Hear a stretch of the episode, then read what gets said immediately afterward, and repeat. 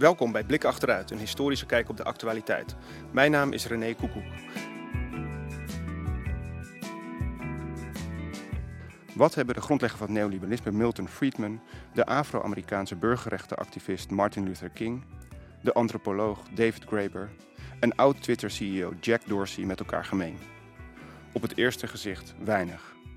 Maar allen hebben op enig moment in hun leven een pleidooi gehouden voor het invoeren van een universeel basisinkomen. Het idee voor een universeel basisinkomen heeft een lange, kronkelige en bovenal verrassende geschiedenis. Dat laten Anton Jäger van de Universiteit Leuven en Daniel Zamora Vargas van de Vrije Universiteit Brussel zien in hun nieuwe boek. Dat boek is getiteld Welfare for Markets: A Global History of Basic Income. En het is dit jaar uitgegeven door de University of Chicago Press.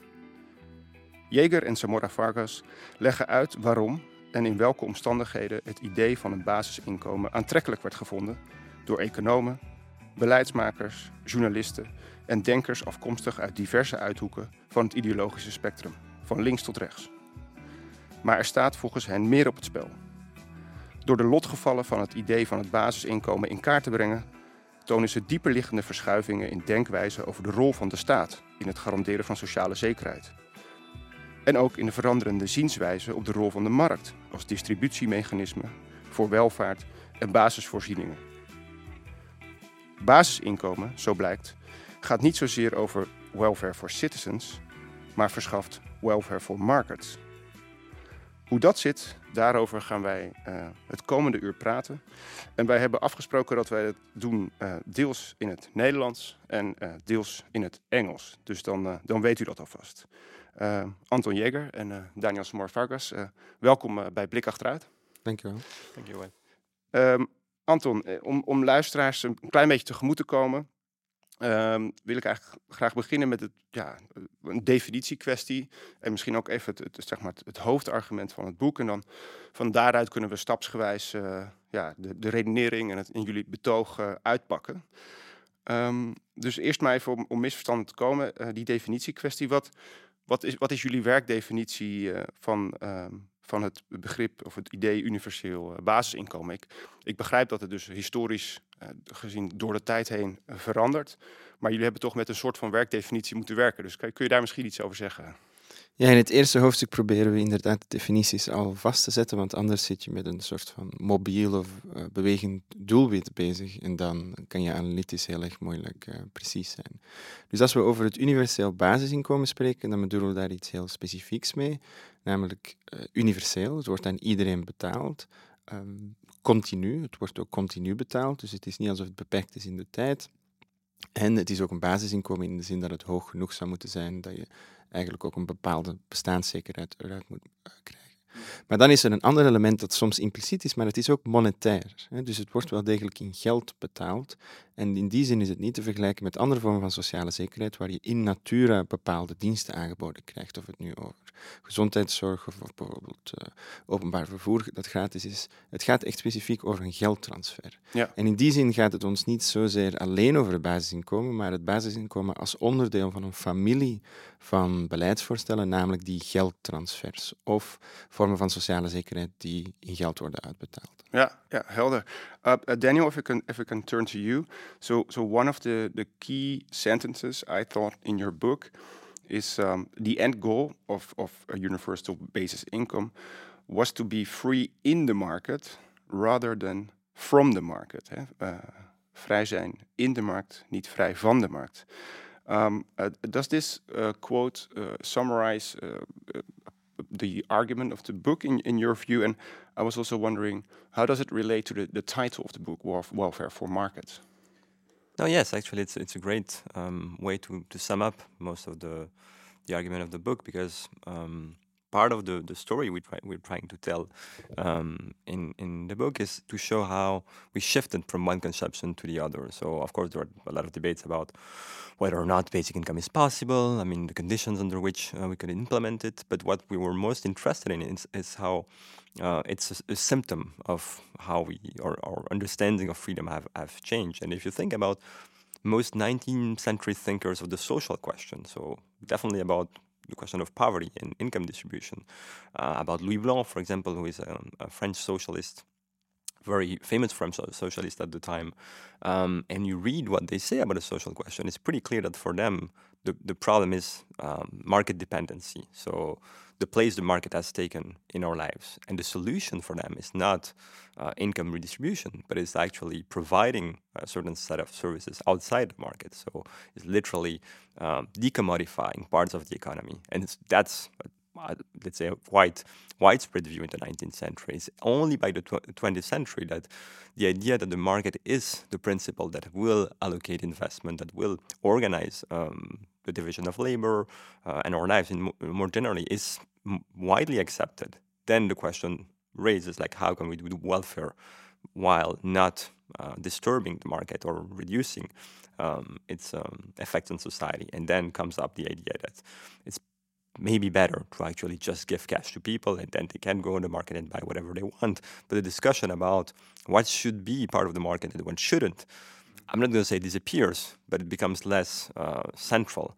And of course, some of the protagonists of that shift are economists such as Milton Friedman, some of the neoliberal economists that are more uh, famous, but it's kind of a broader shift that is also include uh, Keynesian economists at that period. So yeah, it's it's not just a shift of let's say neoliberals, but it's kind of a, a broader shift within society about how we think about freedom. And the question is like, yeah, now it's better to be free in the market that, rather than from the market. Mm -hmm. And and I, I guess uh, advocates of the universal basic income would say, well, uh, that that that might be right, but it's still welfare meant to citizens. Uh, um, but but you, the, the, title was quite provocative in the sense that uh, you turn this on its head. So so so how how strong should I take this title?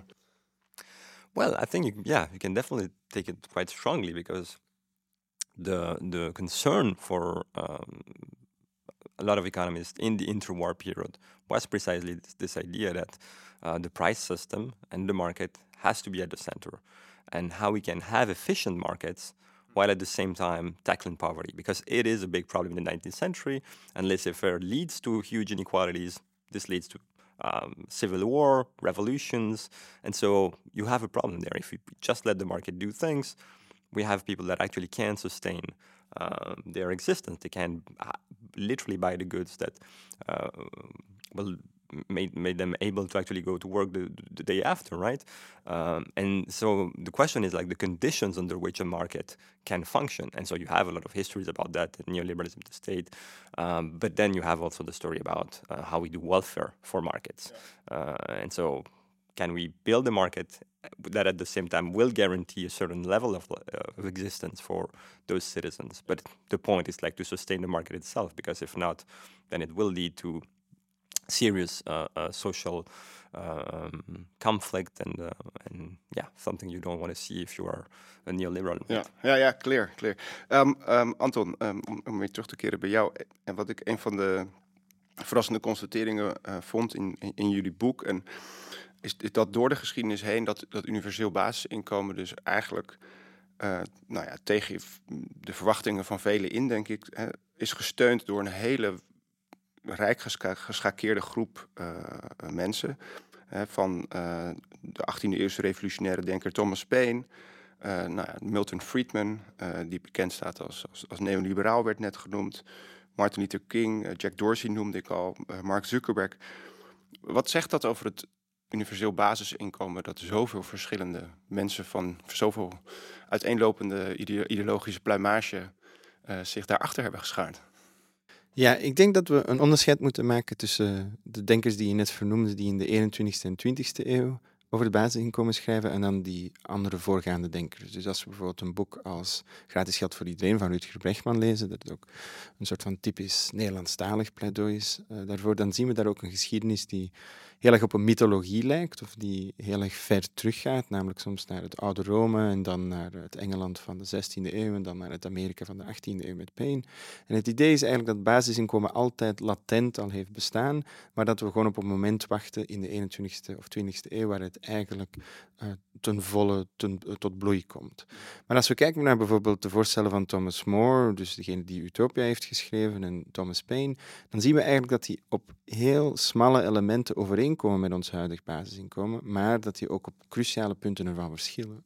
En bij Thomas More was het idee niet dat je gratis geld kreeg. Het idee was dat uh, boeren die van hun land verdreven waren ook graan zouden krijgen om te overleven. Dat is een heel andere vorm van welvaartsstaat. Ja, en bij... Thomas More, even voor de duidelijkheid, dus een 16e eeuwse Engelse schrijver, uh, auteur van Utopia. Ja, ja, inderdaad. Dus hij was ook uh, adviseur aan het Engelse Koningshuis. Uh, hij is heel erg begaan met uh, het sociale vraagstuk al in de 16e eeuw in Engeland, waarin heel grote landeigenaren bijvoorbeeld schapen plaatsen op hun landgoed en daarmee kleinere boeren verdrijven. Dat zorgt voor heel veel armoede. En een van de voorstellen die je dan in Utopia aanhaalt, is dat er eigenlijk een soort van sociale zekerheidsgarantie moet bestaan voor die nieuwe boeren. Dat wordt dan als een basisinkomen voorgesteld, maar als je eigenlijk de tekst zelf leest, dan merk je dat het eigenlijk geen monetair of geldelijk uh, basisinkomen is. Terwijl bij Paine bijvoorbeeld, mhm. dus Thomas Paine was een Amerikaans uh, Schotse revolutionair die um, heel prominent is geweest eind 18e eeuw in die golf van revoluties die door de Verenigde Staten is gegaan. En zijn idee was eigenlijk om mensen een som geld te geven waarmee ze dan een lap grond konden kopen. Hm. dus het uiteindelijke idee was eigenlijk om landgoed democratisch beschikbaar te maken in plaats van iedereen uh, gratis geld te geven op zijn Brechtmans. En ik las op een gegeven moment ook wel dat hij uh, het voorstelde van geef iedereen een koel, wat werktuigen. Ja. En, en zorg dat ze een stukje land hebben, want dan kunnen ze zelf voorzienend zijn. Ja, dus zijn verwachting is eigenlijk dat als je dat geld aan mensen geeft, uh, eind 18e, begin 19e eeuw, en dat zou gefinancierd worden door eigenlijk grote landgoeden ook te belasten en daar dan een bepaalde winst op te halen. En dat geld kan je dan herverdelen. Maar zijn verwachting is eigenlijk, mensen gaan daar direct inderdaad eh, een paar ploegen en andere landbouwwerktuigen mee kopen en een koe. En dan gaan ze goedkoop land kopen in de Verenigde Staten, omdat uh, het een land is waar heel veel plaats is gewoon voor iedereen. Dus het idee dat iedereen een soort van permanent inkomen daarvan zou ontvangen, is voor hem echt heel erg moeilijk voor te stellen. Hmm.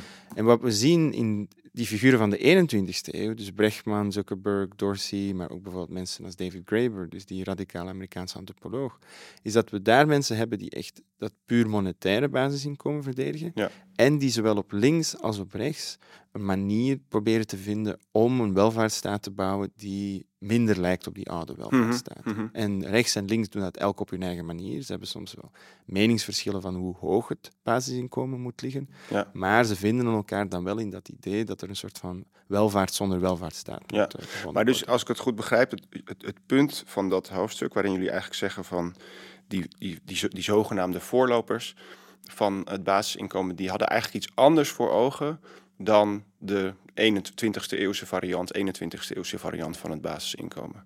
En dat zit er me dus met name in um, dat die voorlopers dus eigenlijk uh, veel meer, laat zeggen, uh, de productiemiddelen van mm -hmm. land, werktuigen, et cetera, in de handen wilden geven van burgers. Om zelf uh, ja, voor hun eigen voorzieningen te kunnen voorzien. Dan een simpelweg gewoon geld geven. Ja. En de verschuiving is echt van een basisinkomen voor producenten naar één voor consumenten. En dus als we hmm. kijken naar Payne en More, dan is het idee echt, we moeten mensen middelen geven om aan productie deel te nemen. Ze moeten oftewel een kleine boer worden, oftewel moeten hen uh, werk aangeboden worden op landerijen. En ja, consumptie is belangrijk, maar is eigenlijk secundair. Terwijl als we naar die 21ste en 20ste eeuwse voorstellen kijken, daar is het idee niet per se dat mensen daardoor aan productieprocessen gaan deelnemen, maar eerder ze krijgen een som geld en dan kunnen ze op een markt consumeren. Ja. Dat is echt een enorm belangrijke en ook recente verschuiving die we in het boek bespreken. Ja, so, so Daniel, uh, I want to jump to, to uh, one of the main figures in the book, the, uh, the American economist uh, Milton Friedman. Who I, I, guess is representative for this this this, this modern um, idea of basic income. Um, so he taught for three decades at the University of Chicago. He was he, is known as one of the most influential economists of the 20th century. Um, some people might know that he was an advisor uh, to the uh, governments of, of, Reagan and Thatcher. Um, and in 1962, he wrote his probably his most famous book, Capitalism and Freedom. And in that book, he made this proposal for a universal basic income, and he he, he um, termed it a bit differently, uh, a negative income tax. But uh, I was very surprised to read that. So how is it possible that this this economist, who is known um, uh, for his neoliberal ideas. How is it possible that an economist like Friedman uh, would uh, come to support the idea of a basic income? Yeah, so that's a that's a great question. I mean, um, first of all, it's kind of interesting to to remember that he really envisioned the idea way earlier. So the book comes in 1962, and this is the moment where you have the big debate about um, poverty in the U.S. and you have the war on poverty uh, launched by the president Lyndon Johnson. But Friedman really thinks about it uh, in the late 30s, um, and at the time, I mean, he's not yet fully neoliberal in a certain sense. I mean, 39 probably already a lot, but he, um, you know, he can find a job at the beginning um, because there is a lot of anti-Semitism in American universities. And the irony is like he's saved by uh, the Roosevelt Federal, Federal Institution, so he, he, will work as a bureaucrat in the the the, the, Roosevelt okay. uh, state. Yeah, that's an interesting um, start of a career. absolutely, absolutely. I mean, he will basically you know argue for the rest of his life against bureaucracy and the state. Uh, but yeah. the irony yeah. is that he was basically saved by uh, um, those um, the New Deal and Roosevelt programs in in the late 30s. So he de definitely works there for uh, uh, those years, at least until the end of the war.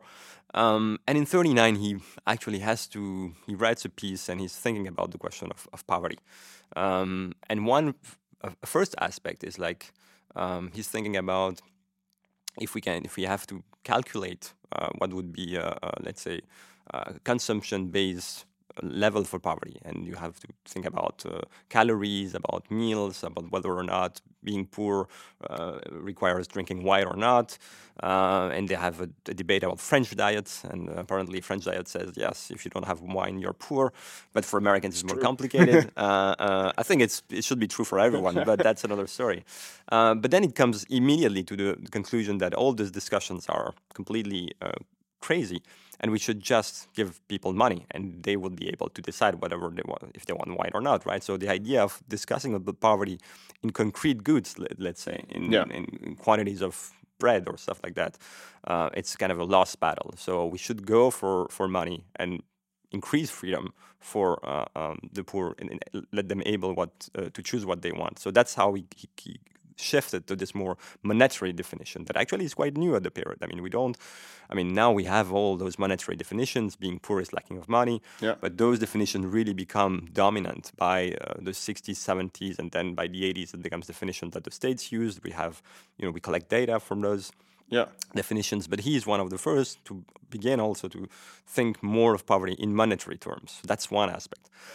And then the other aspect is basically the classical uh, neoliberal problem is like, yeah, how we do welfare for uh, uh, uh within markets. And absolutely, he says we should absolutely guarantee a level of uh, of life, um, a low one, I would say. Mm-hmm. Um, but then get rid of all the system that was built in the post-war period, or that was was being built at that period, meaning yeah. minimum wages laws, um, social security, all those programs that are actually built around the question of the labor market.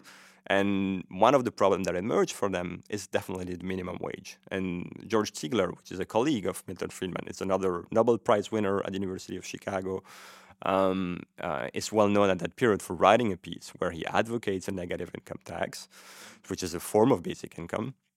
Uh, the difference is like you receive it after you pay taxes, and if you are under a certain level of income, then the, the, the state gives you money, gives you back money yeah. to guarantee yeah. you a certain level. So, so, so, it's not necessarily uh, unconditional in the sense that everyone would receive it. Absolutely. Yeah. But the, yeah. the, the point is like from the standpoint of, of income, you can imagine that uh, when you receive a basic income, you pay a certain amount of taxes. Um, so at the end of the day, some pay more taxes than they receive basic income, and so they actually contribute, and the others are benefit from it. So, from the standpoint of the income distribution, you can have the exact same result with a negative income tax or basic income. The difference is like you receive the basic income first and then you pay taxes, so everyone receives it. And then after, depending on your uh, tax system, you will pay more or less. And the negative income tax is like you receive it after paying taxes, right? Uh, so it's an important difference. It's a political one because the fact that everyone receives it has a political effect, right? Of course. But yeah. literally, on, on, from the economics point of view, uh, it's it's the same idea.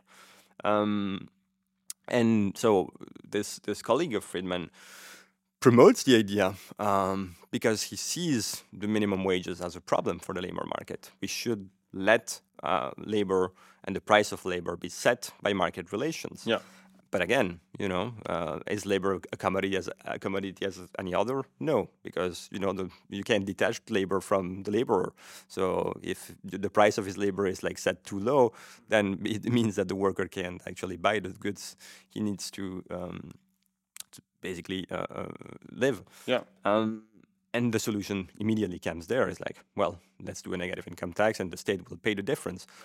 But the outcome of that is like the state will subsidize, you know, bad wages. So if we just bring the, the example for today, and maybe we'll be back to that, it means that the state will give money to Uber drivers. And so rather than Uber paying decent wages, well, the state will give you a negative income tax and Uber can keep the low wages.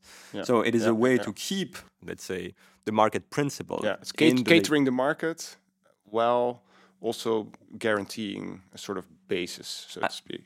Absolutely, absolutely. So it is a subsidy of the state for, you know, uh, bad jobs in a certain sense. But, well, the, the argument of Friedman and, and, and Stigler was pretty simple. It's like minimum wages create unemployment.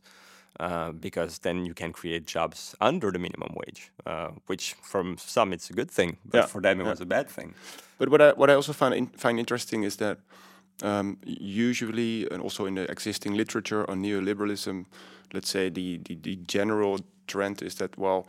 Uh, neoliberals are extremely critical of the welfare state, of their, they don't have a conception of a welfare state. But what you are actually saying in the book, in, in one way or another, is well, that's not quite true. They do have a conception of, uh, of welfare. Anton, wil jij daar iets over zeggen? Ja, zeker, zeker. Dus we kennen inderdaad, eh, heel, we hebben heel veel geschiedenissen die aantonen hoe bijvoorbeeld het neoliberalisme en neoliberalen niet tegen de staat zijn. Mhm. Eh, Dus dat is echt het cruciale moment in de jaren 30, jaren 40. Marijn Oudenamse heeft er ook in geschreven in zijn recente boek. De echte grote ommekeer is eigenlijk het besef bij veel mensen die voor de markt zijn dat een markt een staat nodig heeft. Je hebt een sterke, eh, sorry, je hebt een sterke staat nodig voor een vrije markt, want anders gaat die vrije markt nooit vrij blijven op zichzelf. Ja. En dat verhaal kennen we eigenlijk voor heel veel beleidsdomeinen, maar we hebben nog niet zoveel daarover gehoord als het over de welvaartsstaat gaat. En want het idee, zoals je hebt aangegeven, is dat neoliberalen gewoon tegen de welvaartsstaat zijn. Mhm. Dat zien we inderdaad ook een beetje in de retoriek van iemand als Thatcher of Reagan, dat zij heel erg tegen ja, mensen die op werkloosheidsuitkeringen zitten en eh, ze proberen eigenlijk al die luizakken aan het werk te krijgen. Maar als je zowel intellectueel, maar ook op vlak van eigenlijk eh, ja, beleid kijkt wat neoliberalen doorgaans doen, is dat ze de welvaartsstaat niet per se afbouwen in een kwantitatieve zin. Dus de staat blijft nog altijd heel veel uitgeven aan sociaal beleid. Mhm. Maar de manier waarop dat gebeurt is helemaal anders dan daarvoor. Namelijk dat je heel veel in toelages of in geldtransfers geeft. ja. Dus een typische voorbeeld in het Verenigd Koninkrijk is dat ehm, bijvoorbeeld sociale woningen worden uitverkocht en worden eigenlijk geprivatiseerd. En dat betekent dat de staat eigenlijk een heel groot deel van zijn voorraad aan sociale woningen uitverkoopt. Maar tegelijkertijd krijgt iedereen eh, woontoelages om hun huur eigenlijk te betalen. En dat kost de staat eigenlijk redelijk veel, maar nogmaals, dat betekent dat de staat zich eigenlijk niet moet bezighouden met concrete diensten of goederen aanbieden aan mensen en gewoon een som geld naar iedereen overschrijven. Nou, ik, ik denk dat in, in Nederland eh, we hier ook eh, alles van weten. Dus eh, bijvoorbeeld, we hebben het zogenaamde persoonsgebonden budget. Waarbij mensen die bijvoorbeeld een gehandicapt kind hebben of een zorgbehoevende in een familie hebben, dus een bedrag van de overheid krijgen. En die mogen ze dan uitbesteden op de markt van zorgaanbieders. Eh, en dat is eigenlijk precies wat, wat je, wat je Ja. beschrijft hier. Ja. Dus eh, het basisinkomen zelf is er eigenlijk in heel veel Europese landen nooit volledig gekomen. Nee. Het- het- Er zijn natuurlijk tests geweest en men heeft het lokaal wel eens proberen uittesten. Ja. Maar enerzijds omdat het eh, duur is wel degelijk en anderzijds omdat er wel een sociale krachtverhouding moet zijn, lukt het eigenlijk nooit volledig om het te implementeren. Maar wat je hier beschrijft in de Nederlandse casus, en je ziet dat ook in België, maar ook in het Verenigd Koninkrijk, is dat wat je wel zien hebt, is dat geldtransfers een heel dominant, eh, dominante component van onze nieuwe welvaartsstaat geworden zijn. We zitten nu met welvaartsstaten die eigenlijk steeds slechter en minder diensten aanbieden, maar die wel enorm veel geld overschrijven constant aan iedereen, om ervoor te, mensen, om ervoor te zorgen dat mensen op de markt toch nog altijd koopkracht hebben. En dat is een beetje die marktvriendelijke of neoliberale welvaartsstaat die we in het boek proberen te omkaderen en te Mhm. beschrijven. Mhm. Omdat die ook paradoxaal is. Omdat we niet het gevoel hebben van, ah ja, eigenlijk het neoliberalisme en de welvaartsstaat gaan samen. Terwijl Hmm. we proberen zeggen van, nee, wel, er is wel degelijk een huwelijk daar. En dat is heel Ja. dominant geworden. Een moeilijk huwelijk, maar het is wel een huwelijk. Ja, absoluut. Ja. Um, um, so I want to move on to the question of of theme or, or sorry of needs, uh, uh, behoefte, and uh, it plays a it plays a big role in the book. Also, I think also conceptually, and it has, has many implications. Um, um, so what you describe in the book is that also the conception of what needs are changes and and also the way you can determine them individually or uh, collectively and how you provide for them. So um, just to take a little bit a step back why, why is this large theme of needs or human needs so central to uh, when, when we're discussing questions of, of, of, of universal basic income? Uh, let's st- start with you uh, daniel. Yeah, I mean, I think this is a, a, a very important question, and it's also a shift that you see, and it's related to the question of the shift from being free from the market in the market. Mm-hmm. Because the moment you say, "Well, we should be free from the market," then immediately the question raises that is raised is like, "Yes, but in what sectors, in what aspects should we actually be free from the market? Let's say education, healthcare, housing, but then it's a political question. So you have to make a decision. We have to make a decision together which sector the states actually is going to take over and invest uh, to provide those uh, goods um, for the citizens. So immediately, the question of needs becomes a question, pol- a political question. Yeah. We have to actually discuss, deliberate on what we what we want and what we need, right? Um, and most of you know social reformers after the war, uh, people like Beveridge, for example, the the father in a certain sense of the the, the welfare state um, in the UK, it's pretty clear for them that um, you need this kind of balance between needs that are somehow deliberated uh, democratically and collectively. So a part of our resources has to be allocated through political means, means through state investment, and then the part that is provided through the market.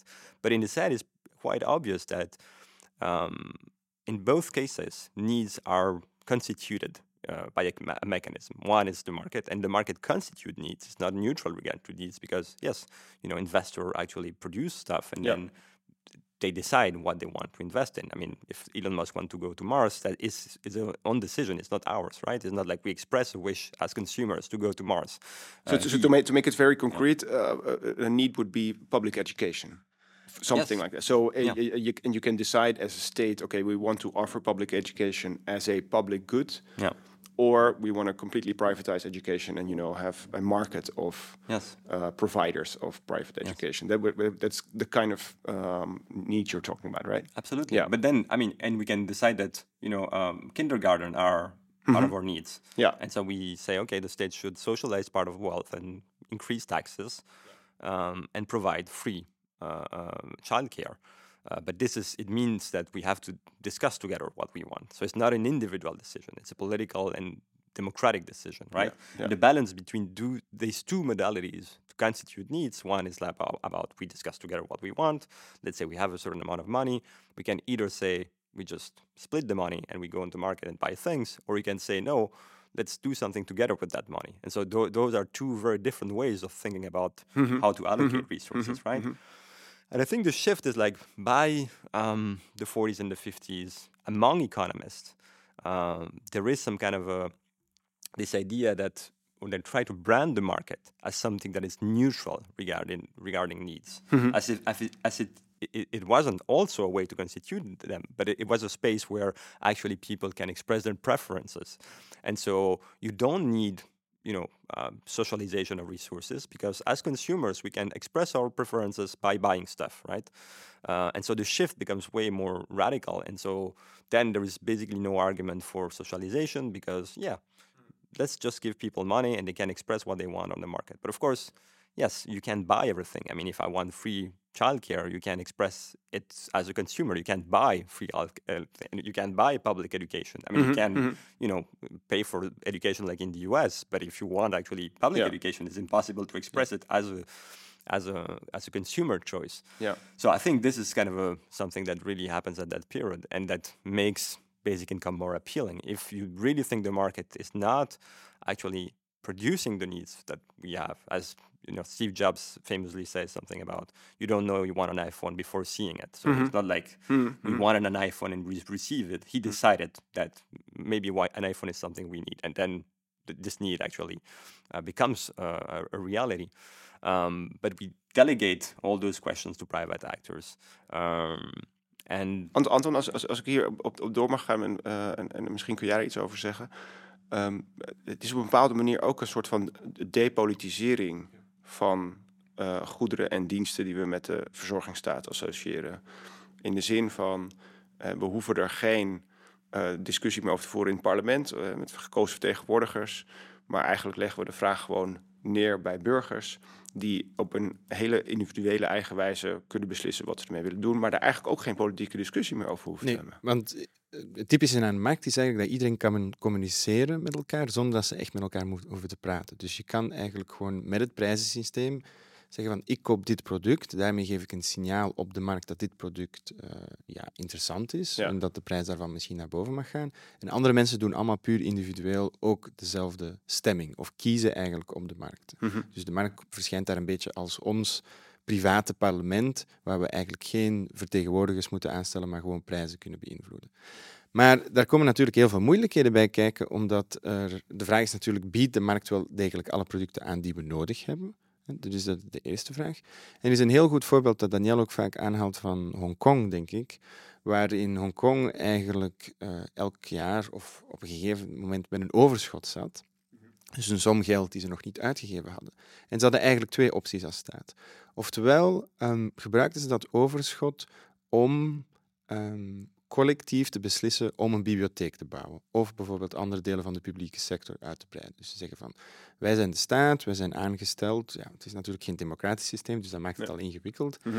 Maar wij beslissen om eigenlijk het overschot dat we nu hebben te gebruiken om een nieuwe publieke bibliotheek te bouwen. En daarmee moeten we ook allemaal samen akkoord gaan dat we dat geld gaan gebruiken om een publieke bibliotheek te gebruiken. Ja. En dat is een typische verhouding tot behoeften en noden die collectief is, namelijk er moet een politiek proces zijn waarin we overleggen wat we met die middelen gaan doen. En dan kiezen we tezamen dat dit oftewel naar een nieuwe crèche gaat, oftewel naar een nieuwe kinderzorg, oftewel naar een bibliotheek. De andere optie die ze voorstellen is, we nemen deze som geld en we splitsen die of delen die door het aantal bewoners van Hongkong en geven iedereen individueel een klein schijfje van eh, wat we over hebben. En dat is een helemaal andere aanpak van noden, want het idee is eigenlijk, mensen hebben individueel een veel beter idee wat hun voorkeuren en hun noden zijn. En dan kunnen ze op een markt gewoon, als ze boeken willen kopen, op Amazon of in een boekwinkel hun eigen boeken kopen. Dan moet er geen discussie zijn over welke boeken er collectief in die bibliotheek moeten gelegd worden. Ja, ja. Maar het probleem is natuurlijk, als je opeens een groep mensen hebt in Hongkong die die individuele schijf krijgen, Mhm. en die zeggen eigenlijk zouden we graag samen een bibliotheek eh, hebben, eh, toegang toe hebben voor ons. Want sommige mensen hebben soms niet genoeg geld om boeken te kopen, omdat ze Mm. andere zaken moeten kopen. Ja, dat wordt heel erg moeilijk. Ja. Dus je kan oftewel een private bibliotheek gaan crowdfunden, of je kan aan de staat vragen van hier neem dit geld en bouw er een bibliotheek mee. Mhm. Maar je zit direct met een soort van coördinatieprobleem, namelijk dat je op de markt heel moeilijk de bouw van zo'n bibliotheek kan coördineren. Vooral als je geen investeerders vindt die winst kunnen halen uit dergelijke bibliotheek bijvoorbeeld. ja. En dat, nogmaals, is het perfecte contrast dat we proberen te trekken tussen twee benaderingen van behoeften en noden. Namelijk het idee dat je collectief kan nadenken en beslissen over wat je noden concreet zijn. Ja, ja. En dan die meer abstracte individuele aanpak die zegt, mensen kunnen gewoon op een markt individuele beslissingen Ja, nemen over wat ze nodig hebben. En wat ik dan afvraag, ehm, dus we hebben nu eh, nou, onder andere Milton Friedman behandeld, maar ook economen die dat basisinkomen verdedigen eh, vanuit, eh, ja, laat zeggen, een, een, eh, een motivatie om die markt zo goed mogelijk te laten functioneren. Maar wat jullie in het boek laten zien ook, is dat op een gegeven moment ook, laat zeggen, traditioneel links, of wat ooit traditioneel links was, het universeel basisinkomen gaat omarmen. En dat laten jullie met name ook zien in de context van, van Europa. En ehm, ja, waar, hoe komt het dat links ook dat universeel basisinkomen ehm, omarmt? En ehm, ja, we, eh, het is, eh, waarin verschilde die omarming, zullen we zeggen, van, van, van, van rechts? Ja, dus het is belangrijk om te zeggen, we praten eigenlijk over een soort van convergentie of samengaan tussen links en rechts op dat het idee van het basisinkomen. Mhm. Maar er zijn wel degelijk interne verschillen. Hè. Dus links heeft doorgaans een veel ambitieuzer of veel genereuzer idee van wat een basisinkomen is dan rechts. Terwijl rechts zoiets heeft van ja, we willen dit vooral gebruiken om de klassieke welvaartsstaat af te bouwen. Terwijl links zegt dit is eigenlijk een soort van vervulling van wat die klassieke welvaartsstaat nooit heeft kunnen doen. En de reden dat het ook op links heel populair wordt, bijvoorbeeld ook in Nederland, want Nederland is een van de eerste landen dat echt een uh, nationaal debat heeft over de mogelijkheid van een basisinkomen in de jaren 70, jaren 80, is dat je eigenlijk in Europa in de jaren 70 en jaren 80 een samengaan van bepaalde crisissen hebt die het idee van die oude welvaartsstaat heel erg onder druk zetten. Dus je hebt natuurlijk een inflatiecrisis en een werkloosheidscrisis. Je hebt deindustrialisering, dus de verdwijning van een oudere arbeidersklasse die traditioneel door de arbeidersbeweging werd uh, vertegenwoordigd. En tegelijkertijd heb je een um, ja, sociale welvaartssysteem of een soort van welvaartsstaat die soms wel paternalistisch en streng kan zijn. He, dus ook al in de jaren 70, jaren 80 zijn heel veel jonge mensen werkloos in Nederland. Door, um, ja, door de oliecrisis bijvoorbeeld ook. Ja. Die gaan dan hun werkloosheidsuitkering halen en die worden op den duur echt lastiggevallen omdat ze natuurlijk geen werk vinden. Dan moeten ze allerlei zaken doen. En dan is eigenlijk de eerste reflex om te zeggen van waarom transformeren we die werkloosheidsuitkering die iedereen toch al krijgt, niet gewoon in een permanent basisinkomen, waar eigenlijk geen verplichting tegenover staat om dan ook werk te gaan zoeken. Dus het is dat antipaternalistisch idee dat heel erg dominant wordt en dat ook links heel erg aantrekt tot het basisinkomen. Ja. Maar het gaat voor ons toch wel verder dan dat. Het is niet alleen het paternalisme en de inflatiecrisis en uh, ja, die deindustrialisering zoals we die kennen. Het gaat inderdaad ook over een draai ter linkerzijde, dat het idee dat bijvoorbeeld de regering van Hongkong collectief zou kunnen beslissen dat we een bibliotheek zouden hebben, dat dat op zich al autoritair is. Hmm. Dus er is een soort van ideaal van individuele autonomie dat ook op links in de jaren 70, jaren 80 opkomt. En dat heel erg verschilt van de collectieve Mhm. notie van vrijheid. Dus Annelien de Dijn, die ook hier deze podcast eh, deelneemt, heeft daar heel mooi over geschreven, namelijk de individualisering of de overgang van een collectieve notie van vrijheid naar een individuele notie van vrijheid. Mhm. En dat zie je ook op links in die periode. In de zin van samen al beslissen dat we een bibliotheek zouden moeten bouwen, of scholen, of eh kindercrashes. Mhm. Dat is op zich al te autoritair. Want je bent eigenlijk mensen hun noden en behoeften aan het bepalen van bovenaf. En dan is een basisinkomen een perfecte oplossing. Mhm. Mhm. Omdat je mensen eigenlijk nogmaals de autonomie gunt om zelf hun keuzes te maken. Uh, helder. And I, um, I want to push back a little bit on this this argument also by introducing an, uh, a line of argumentation in favor of the universal basic income that has sometimes been um, formulated and articulated by from a feminist perspective, claiming that there is a lot of unpaid informal work in the household for children, for sick partners, sick family members, uh, voluntary work, etc., etc. And um, the argument is that what happens there is extremely valuable. Uh, it, in, in economic terms, it produces a lot of services and goods, uh, from making a, a meal uh, uh, for your children to cleaning the house, etc. Um, and the argument is, well, the universal basic income is a way to compensate uh, for this kind of work. Um, and it is also it hel- also uh, allows people not to enter the labor market. So a universal basic income allows you not to uh, uh, uh, uh, to do work that you would otherwise spend on your children or family. Um, so um, that that goes a little bit against the idea that the universal basic income only gives you freedom in the market. Um, so how, how does that argument fit in into your story? Or are you sympathetic to that argument? Because it is a different type of argumentation than uh, than than we've discussed so far. Well, I mean, yes and no, in the sense of, but first, it, it is an it's part of the book. I mean, we discuss, especially the little pamphlet that was written by two renowned um, uh, feminists, which is Silvia Federici and Selma James, that wrote in the 70s. I don't remember the exact date, but um, a little book called Wages for Housework. Hmm. And this little pamphlet, which is extremely short, um, extremely uh, interesting, uh, it is also published at a moment where you have a discussion about, or they want to raise a discussion about what is work. Um, and so calling for wages for us work is also a way to say, well, this is also work. You have this reproductive labor. I mean, for the worker to go to the factory, you need the woman that is going to clean clothes, make some food on the put the food at the table, and care for the kids. Uh, so this is included in the wage of uh, the male breadwinner, of course. Um, but our work, our labor, our work is completely invisible. So we need to actually make it visible. And as a political statement, I think it's extremely strong, right?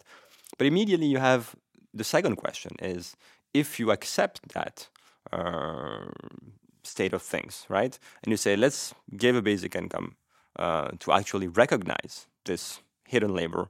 Well, you can actually keep uh, this situation as it is, right? It's like not allowing women to actually enter the labor market. And in that sense, not exactly uh, welfare for markets, but transforming a collective problem into an individual decision, meaning women can choose whether they or not want to go into the labor market or want to stay at home, rather than actually creating, let's say, the institutions that will change this division, unequal division of labor.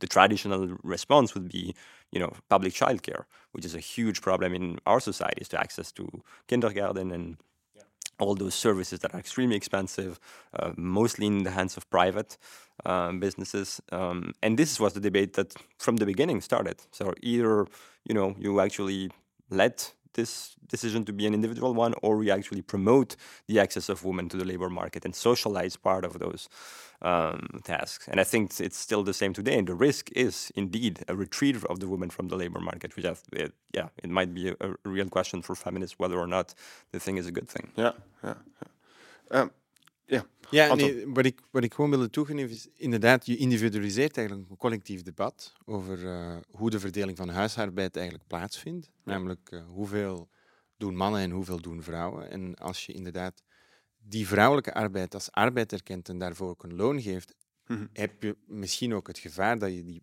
mensen vastzet in een bepaalde huiselijke taak waar ze misschien niet de hele dag mee bezig willen zijn. Sommige vrouwen willen misschien heel graag betaald worden voor huisarbeid en andere vrouwen hebben zoiets van ja, ik zou liever hebben dat mijn kinderen overdag in een uh, goed verzorgde en um, fatsoenlijke crash zitten in plaats van dat ik ben verplicht om thuis te blijven terwijl mijn man gaat werken. Mm -hmm. Omdat, uh, ja, daar, daar, komen natuurlijk heel veel andere sociale aspecten bij kijken.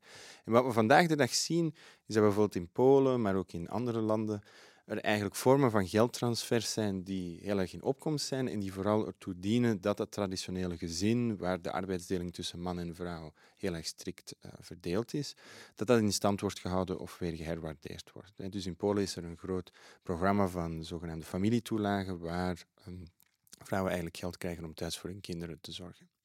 Maar wat je eigenlijk vaak ziet, en dat is een eeuwig probleem met het basisinkomen, om echt een fatsoenlijk of hoog genoeg basisinkomen te implementeren, gaat er heel veel geld moeten uitgegeven worden. En dat willen natuurlijk de mensen die belasting betalen en bedrijven niet zo graag doen. Ja. Dus de versie van het basisinkomen die wel geïmplementeerd wordt, is doorgaans een stuk zuiniger of uh, gieriger, zou ik bijna zeggen. En dat betekent eigenlijk dat je het slechtste van beide werelden hebt, vooral in Polen. Namelijk, je ziet dat vrouwen niet per se uit de arbeidsmarkt terugtrekken, maar nog altijd blijven werken. En tegelijkertijd gewoon een som geld krijgen om ook voor hun kinderen te zorgen, met kinderen die eigenlijk niet in de kinderzorg of uh, in de kinderopvang terecht kunnen. En dat is nogmaals een pervers effect van die discussie. Want in plaats van dat je een discussie voert over collectieve voorziening van bepaalde concrete diensten, mhm. ga je eigenlijk gewoon een individuele som gebruiken. En daarmee moeten vrouwen er maar voor zorgen dat ze het leven als huismoeder gefinancierd krijgen, terwijl ze ook nog blijven werken dus het is een situatie van precariteit die, ja, die enorm stresserend is, want je moet eigenlijk allebei doen. Je moet en werken en voor je kinderen zorgen en je krijgt er eigenlijk niet genoeg geld voor. Maar dat vind ik ook wel uh, interessant uh, aan jullie boek. Uh, jullie laten op een, op een bepaalde manier... Um, zijn veel experimenten met het basisinkomen niet voldoende gebleken? Of is het, het wat je nu ook schetst van of het bedrag is te laag of het is op de verkeerde manier geïmplementeerd? Um, jullie laten zien dat er in, in, in eigenlijk heel de wereld, van, van Mexico tot Brazilië, tot Zuid-Afrika, Europa, Verenigde Staten, overal wel geëxperimenteerd is met het universeel basisinkomen. Maar als je nu gewoon even heel nuchter kijkt naar van is er een land dat op dit moment een universeel basisinkomen heeft, dan is het eigenlijk het antwoord nee. dus eh, jullie beschrijven een intellectuele geschiedenis van een idee dat eigenlijk toch uiteindelijk in heel veel opzichten niet geleid heeft tot de realiteit van een algemeen geaccepteerd uh, basisinkomen. En ik vroeg me af, ja, ehm, hoe, hoe, hoe verhoudt jullie betoog zich tot die realiteit dat het dus eigenlijk toch nooit echt is doorgebroken? En ja, wat zijn de redenen dat het toch niet is doorgebroken? sommige critici van het boek hebben ons uh, verweten dat we doen alsof het al een realiteit is en dat we daar dan kritiek op geven. Terwijl als we inderdaad rondkijken, er quasi geen enkele casus waarin het echt geïmplementeerd is geweest of een beleidsrealiteit is geworden. Maar het argument van ons boek is, ik zou zeggen, een beetje anders of genuanceerder, in de zin dat we vooral proberen aan te geven dat basisinkomen aan een eeuwige contradictie of tegenstelling leidt. Namelijk, een basisinkomen dat hoog genoeg is, is onbetaalbaar. En mhm. een basisinkomen dat betaalbaar is in de huidige context, is eigenlijk niet hoog genoeg. Ja. Dus je zit met een soort van affordability paradox, zoals ze in het Engels zeggen. Namelijk vanaf dat je het hoog genoeg gaat betalen, dan kost het heel veel en heb je ook inflatie. Maar hetgene dat je dan wel kan betalen is eigenlijk te laag en zorgt er niet voor dat mensen in hun levensonderhoud kunnen voorzien. En dat betekent eigenlijk wat het een basisinkomen als ideale rol die het vandaag speelt, is dat het een soort van regulerend ideaal is, dat er wel voor zorgt dat heel veel debatten over onze welvaartsstaat altijd in de richting van geld gaan. Mhm. Namelijk, moeten we goedkopere kinderzorg hebben? Nee, we moeten gewoon hogere sommen geven aan mensen, zodat ze privaat uh, hun kinderen naar de crash kunnen brengen. Ja. En dat gaat nooit een basisinkomen worden, maar daardoor werden wel andere debatten uitgesteld. Dus het wordt een excuus om de welvaartsstaat eigenlijk te vermarkten en mhm. om de markt steeds meer plaats te geven in het sociaal leven, zonder dat we ooit bij dat heel ambitieuze basisinkomen komen dat mensen echt in staat stelt om afstand te nemen van de arbeidsmarkt.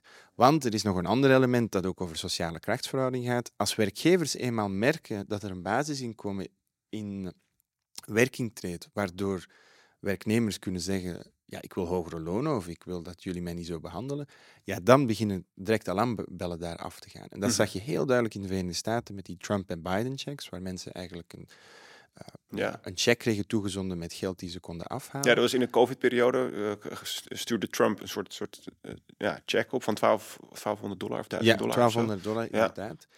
En je merkte eigenlijk direct dat dat een heel interessant effect heeft op de arbeidsmarkt. Namelijk, mensen zeggen opeens nee tegen slechte jobs. Ze kunnen opeens allemaal ja, eisen en claims stellen tegenover hun werkgever die daarvoor uh, niet mogelijk waren. En werkgevers worden daar ook heel bang van. Want ze zeggen van, oké, de arbeidsdiscipline is eigenlijk aan het verslappen. En dan oefenen ze druk uit op de regering en de regering zorgt er eigenlijk voor dat er geen tweede of geen derde check komt. Ja, ja.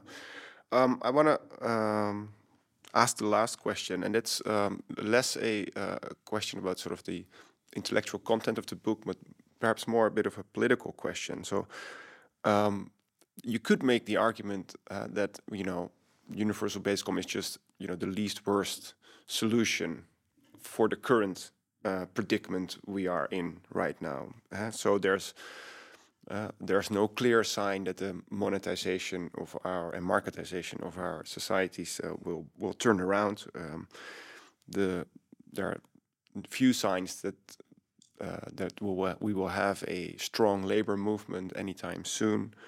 Um, a reindustrialization is not likely to happen in in in in in, in the near future. Um, so you could also argue, well, you know, for the moment, a universal basic income is a way to alleviate a lot of pressure on poor people, and pro probably poor people will, you know, gladly accept a universal basic income, despite, let's say, the story that you have been telling. How do you position yourself to that kind of, um, yeah, let's say, at least it's the least worst option scenario? Well, that's a yeah, that's a definitely a tough question. Um, I mean, the argument of the book is never to say that we are uh, again all cash transfers. So imagine you are because you can make this argument, especially in the global south. You are in a little village in Kenya, um, and you receive now from you know some NGO some cash transfers. Well, your life is better for sure. I mean, it's not like it's hmm. it makes your life worse. Your life is getting better by receiving that that that amount of cash. But then the argument is is also is it the best use we can make of that money? And so you have a, a whole set of questions about you know the industrialization, the labor movement, but even in terms of resources, is it really the best use uh, we can make of such large amount of cash? So let's say tomorrow we create a basic income in the ne- Netherlands, which will cost. I mean, if it's generous enough, it will eradicate poverty. Mm-hmm. Uh, I mean, you, you, are at least thinking about 10% of GDP. Right? It's, it's I mean, uh, we can go into a lot of different uh, calculations, right? But it, it is a huge uh, amount. Yeah. And immediately, yeah, is it the best use of that money? I'm not sure. I mean, because the what makes the idea attractive is that it's extremely simple. It's like everybody receives that Yeah. amount, but it's at the same time the, the the limits of that idea because it will give money to people that don't need that money, and those who, actually need money need more money than they will receive because if the amount is too high, you can pay for it. Mm. So it's simple and therefore quite attractive, but at the same time, it really can't uh, uh, respond to the, to the wide different needs that people have in society. Uh, and for some, they need way more than a basic income. Others don't need a basic income. So it's always the same discussion. It's like we use it because all the welfare system is too complex, too bureaucratic. But I mean, it's complex for a reason. I mean, there is one part that it is about control that we can definitely get rid. Uh, but the other part is complex because all those situations in life are complicated. If you lose a job, it's unemployment and benefits. Pension is something else. I mean, all those disability uh, uh, um, grants you get are also specific needs. So, yeah, I don't. I'm. I'm not sure that uh, such amount of money would be put to good use by just giving cash to, to people. Uh, Nou, ik, ik moet ook meteen aan de, aan de Nederlandse situatie denken. Waarin eh, we nu hebben meegemaakt dat aanbieders van zorg, of het nou eh, eh, psychologische zorg is, of aanbieders van openbaar vervoer, zodra dat marktpartijen zijn, dan zie je dus dat ze dus ehm, de patiënten of de, de, de, de plek in Nederland waar het druk is, daar willen ze hun diensten aanbieden. Dus eh, de, de metro in Amsterdam rijdt perfect. Maar de bus in Oost-Drenthe, die komt nog maar één keer in de twee uur.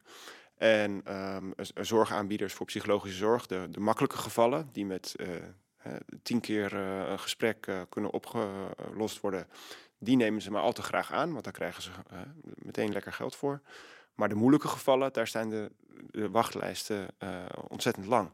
Dus ook de, hè, dus, eh, deel van het argument zal waarschijnlijk ook in die richting zijn van op het moment dat je zo'n universeel basisinkomen breder gaat maken, dan hol je eigenlijk de, de, hele diensten die een verzorgingsstaat zou moeten verzorgen, hol je eigenlijk nog verder uit. Eh, En er is een gelijkenis tussen Kenia en eigenlijk West-Europa op veel vlakken. Want als je natuurlijk die som geld naar iemand in een Keniaans dorp stuurt, dan heeft dat voordelen. Maar stel je voor dat het dorp eigenlijk geen watervoorziening heeft. Er is Hmm. daar eigenlijk geen proper water. En ja, er is gewoon niemand die geld gaat investeren daar om een watersysteem of een- ja, een pijpleiding Mhm.